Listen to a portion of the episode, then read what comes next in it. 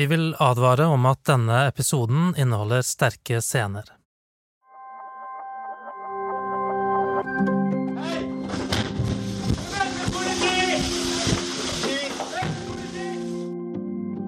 Her bryter politiet opp døren til Morten Mikkelsen i Ibsens gate. Kort tid senere blir han skutt av politiet. Morten tok lydopptak fra denne kvelden. Foreldrene hans fikk overlevert opptaket etter at han var død. De har valgt å dele det med Bergens Tidende. Mitt navn er Rune Christoffersen. Jeg har hentet ut uh, disse 30 milligrammene jeg får med Mogadon i dag. Og jeg sover ikke. Og jeg sover ikke hele natt. Da var jeg på Sandviken. Dette er Morten som sitter hjemme i leiligheten og ringer til legevakten. Han sliter med søvnen og prøver å få sovemedisin. Det er kveld, og han har akkurat blitt utskrevet fra Sandviken sykehus. Jeg sov eh, hva ja, Jeg vet ikke om jeg sov engang. Det var iallfall veldig sånn eh, flyktig, men eh, tre-fire timer eh, natt til lørdag. Og, og, da sitter jeg på sånn her eh, koronaavstengning i tolv timer. Kort tid etter rykker politiet ut til leiligheten. Det går ikke som planlagt.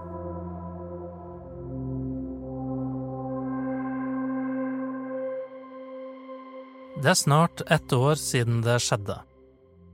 Jeg møter Mortens foreldre, Vibeke og Lasse Mikkelsen, hjemme i eneboligen deres på Sørås. Morten ble født i 1981, og dette er barndomshjemmet hans. På et bord står et bilde av Morten som voksen. Han smiler bredt mens han sitter i en båt. Det tar ikke lang tid å ta et liv men det kan gå mange år å skape et. Eh, vi var, eh, kom til siste året på studiene i USA. Så fant vi ut at nå når vi kommer hjem, så hadde det vært kjekt å få til barn. Og det gikk tre år før vi fikk det til. Og siden så ble ikke Vibeke gravid. Så det ble med det ene barnet. I oppveksten var Morten aller mest fornøyd når han kom seg ut på tur. Han gikk mange år i speideren, han ble speiderleder, og han lå i telt og i snøhule på Hardangervidda. Morten tok dykkersertifikat og sto på ski. Ofte gikk han lange turer alene. Han var vel aldri så glad som han var på de turene, altså.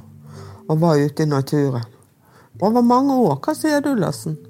Vi hadde masse eh, gode stunder. Vi var ute og satt garn og tegna. Og han var ganske flink til å lage mat. Vi er, vi er lage mat, vi herrer. Og når han var liten, så satt han på kjøkkenbordet og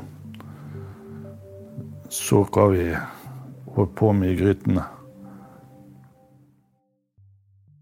Tiden på barneskolen var vanskelig for Morten. Da han var ti år gammel, skrev faren et brev til skolen og fortalte om grov mobbing. Det gikk så langt at mobberne kastet klærne hans i toalettet, forteller faren. Og da fikk han vel et sånt behov for at han, han skulle, som han sa en gang til meg, han skulle være kulere enn de andre. Så da kom han vel litt Det var i russetiden. russetiden. Så da ble det litt for mye eksperimentering. Og det er klart at det har jo ikke hodet gått ut av i det lange løpet. Han var på en måte en vagabond. Eller? Han var en eventyrer. Veldig uredd. Morten begynte å studere. Først tok han Nord-Amerika-studier i Oslo, og så begynte han på havbruk i Bergen. 27 år gammel, i 2009, reiste han til Hawaii for å studere marinbiologi. Var det noe som han ville, så gjennomførte han det. Og reiste over, og så, så bodde han i kollektiv med amerikanere. Og der var det altfor mye hasj og forskjellige stoffer. Så han kom ikke i noe godt miljø, og dermed så, så gikk det ikke så bra på skolen heller. Foreldrene visste ikke at noe var galt, før Morten plutselig sluttet. Nei, vi visste ikke at han hadde sluttet før han plutselig uh, Hadde reist fra hadde reist da han bodde i San Francisco. Så fikk vi tak i han uh, der gjennom sjømannspresten. Og de gikk ut i parkene og lette etter han og fant han og fikk han inn på Sjømannskirken. og Morten var glad i å skrive, og sendte ofte mail hjem. Lasse og Vibeke viser meg en stor bunke med brev fra sønnen. Han var et skrivende menneske så til de grader. I halvannet år levde Morten som omstreifer. Først i USA, senere i Mellom-Amerika.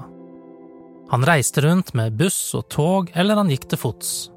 Han kom lett i kontakt med folk og lærte seg spansk. Vi var jo veldig engstelige foran for uh, han var jo helt nede i Guatemala og lå ute.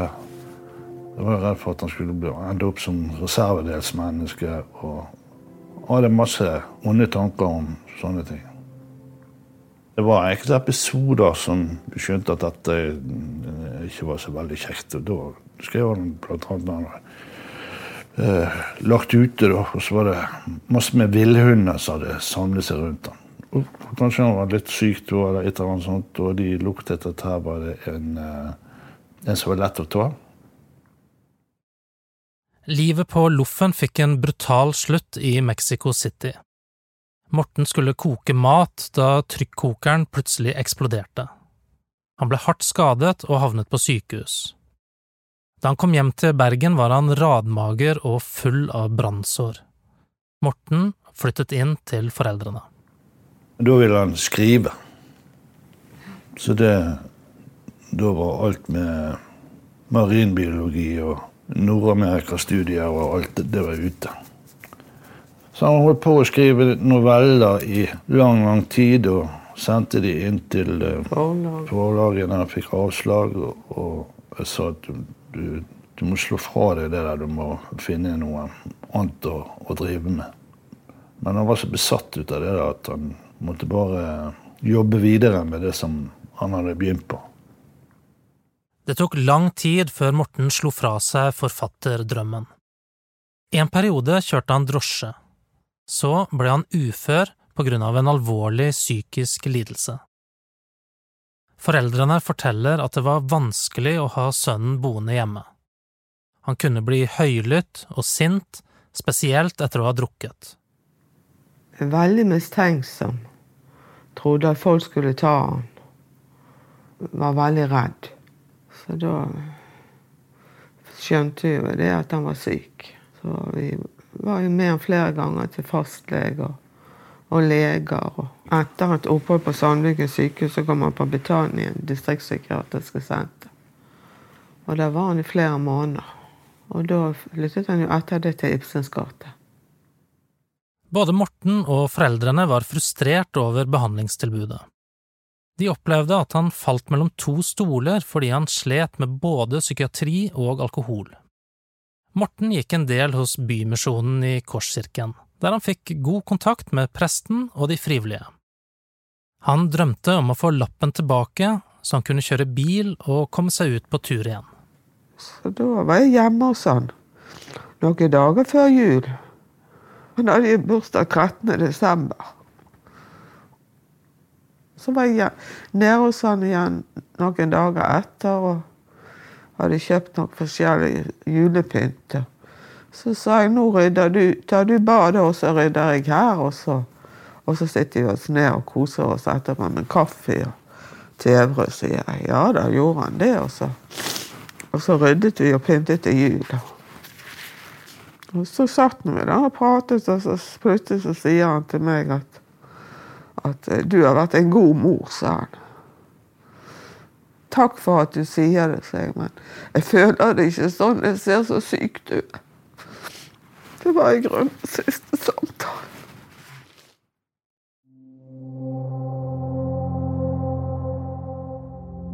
Samme uke blir Morten innlagt på Sandviken gjennom helgen. På mandagen blir han skrevet ut. Foreldrene sier at han godtar å dra fra sykehuset, men at han er fortvilet over å stå uten behandlingstilbud. Han venter fremdeles på en plass i rusomsorgen. Foreldrene drar for å hente ham på Sandviken. På veien hjem eller i bilen der, så sier han du får, jeg tror du må være med meg opp på Møldal og finne en fin gravplass til meg. For jeg får ikke hjelp. Nei, nå, nå får du hjelp helt sikkert uh, over jul. Så får vi svar på Helse Bergen om du får ny plass. Du, du tuller nå, Morten. Ja, sa han. jeg tuller. Men det lå nok noe inni noe fortvilelse i tankene hans at uh, han følte at han ikke nådde frem. Samme kveld kontakter han legevakten. Han var veldig syk. Ringte til legevakten. Pratet med en dame der, og så sa hun dame det at det skal ringe en lege tilbake til deg, Morten. Legen ringte og sa at han måtte kontakte fastlege. Og det var 21. desember, og det var kveld. Og han var nettopp på dagen utskrevet fra Sandviken sykehus og ikke hadde noe telefonnummer han kunne ringe til. Han måtte bare kontakte fastlegen. Hva skal du gjøre når ikke fastlegen er der? Og på kvelden. Da skal du ringe til legevakten. Det gjorde han. Han var rolig i samtalen, det var ingen aggressivitet. Han var helt rolig og grei. Og, men han fikk ikke hjelp. Helt til hun sa det der, ringe til fastlegen. Da var det. Da klikket det for ham. Kort tid senere får ambulansesentralen en telefon fra en nabo. Naboen forteller at Morten har ropt og skreket og kastet ting ut av leiligheten, og at han kan være psykotisk. Ikke lenge etter er det et branntilløp ute i gangen. Brannalarmen går, og sprinkleranlegget blir utløst.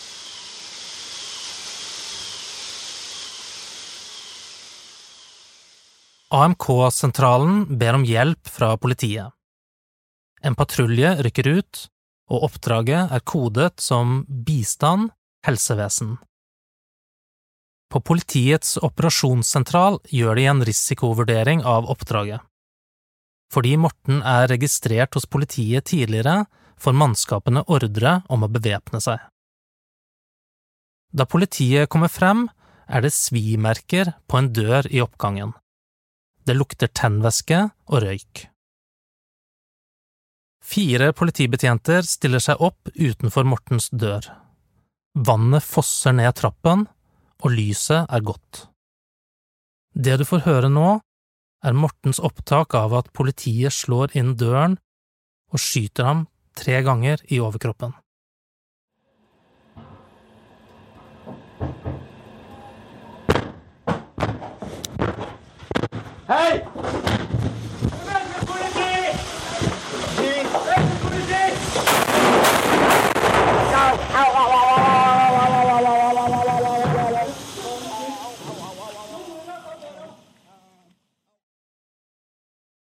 Senere blir politibetjentene avhørt av Spesialenheten.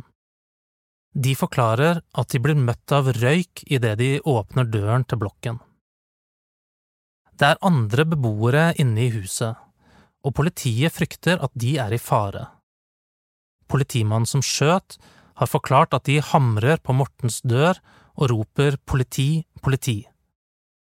Han hører at det dunker kraftig på andre siden av døren, og han får en opplevelse av at personen på innsiden kan være farlig.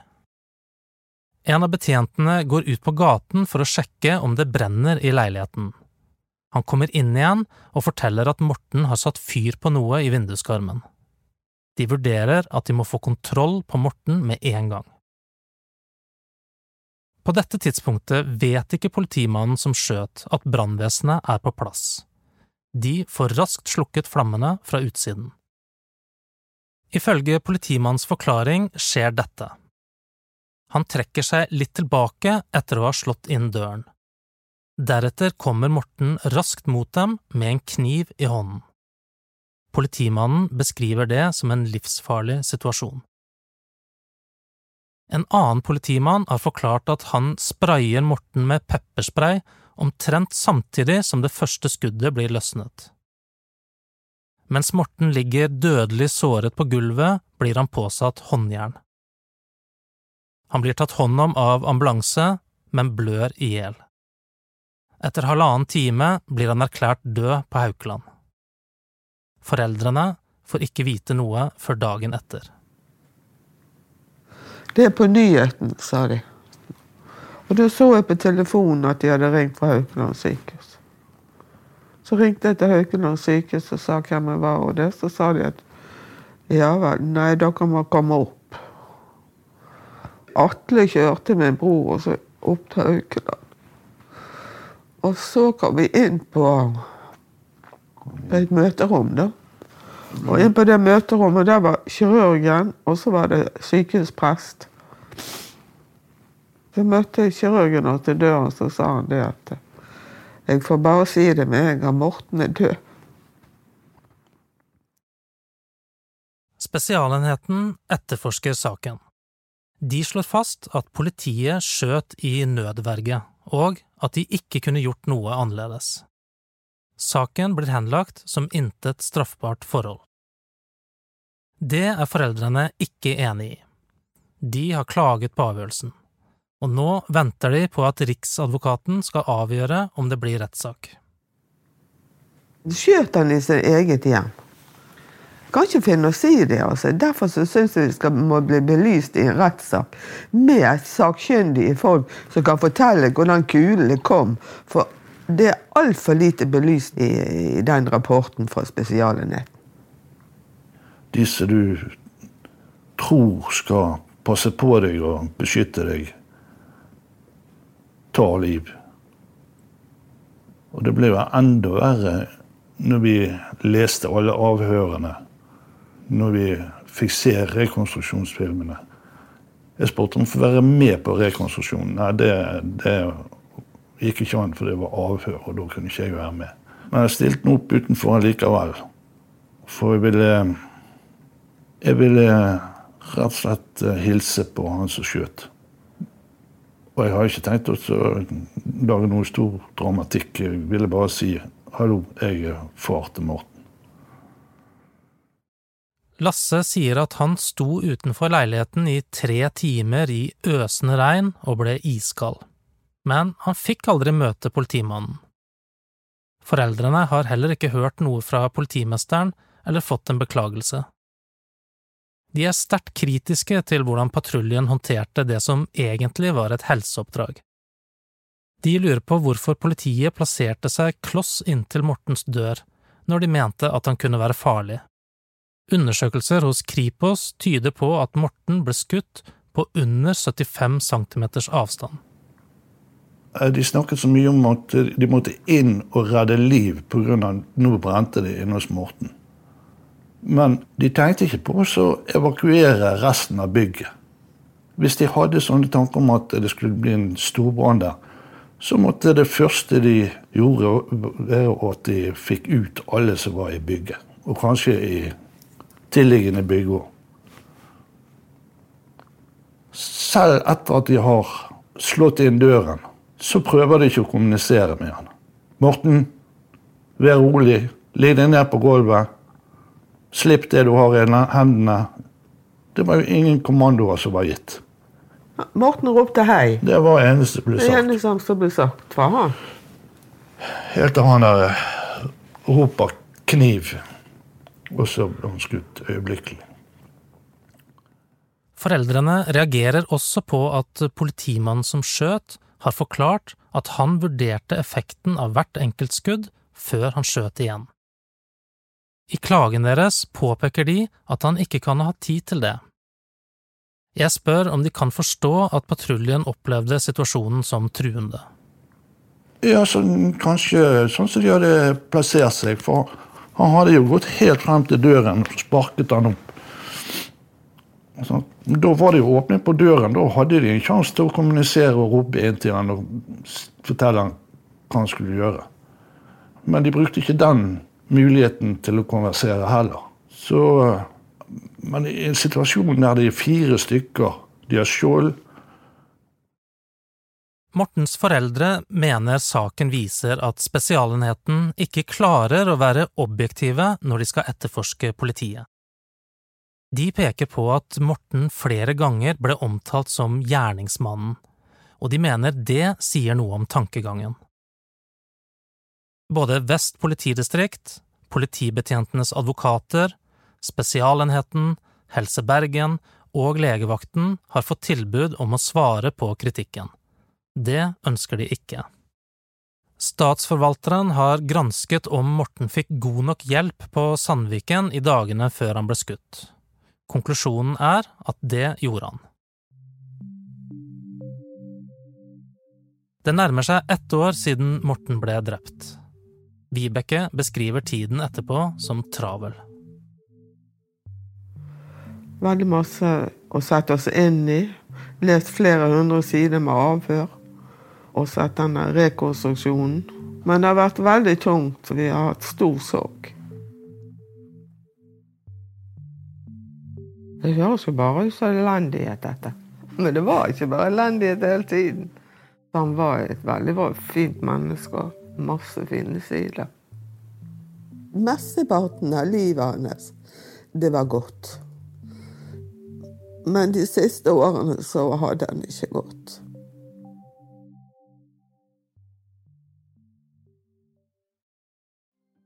Morten hadde ventet hele høsten på om han fikk et tilbud i rusomsorgen. I romjulen, en ukes tid etter at han ble drept, kom svaret. Han fikk det.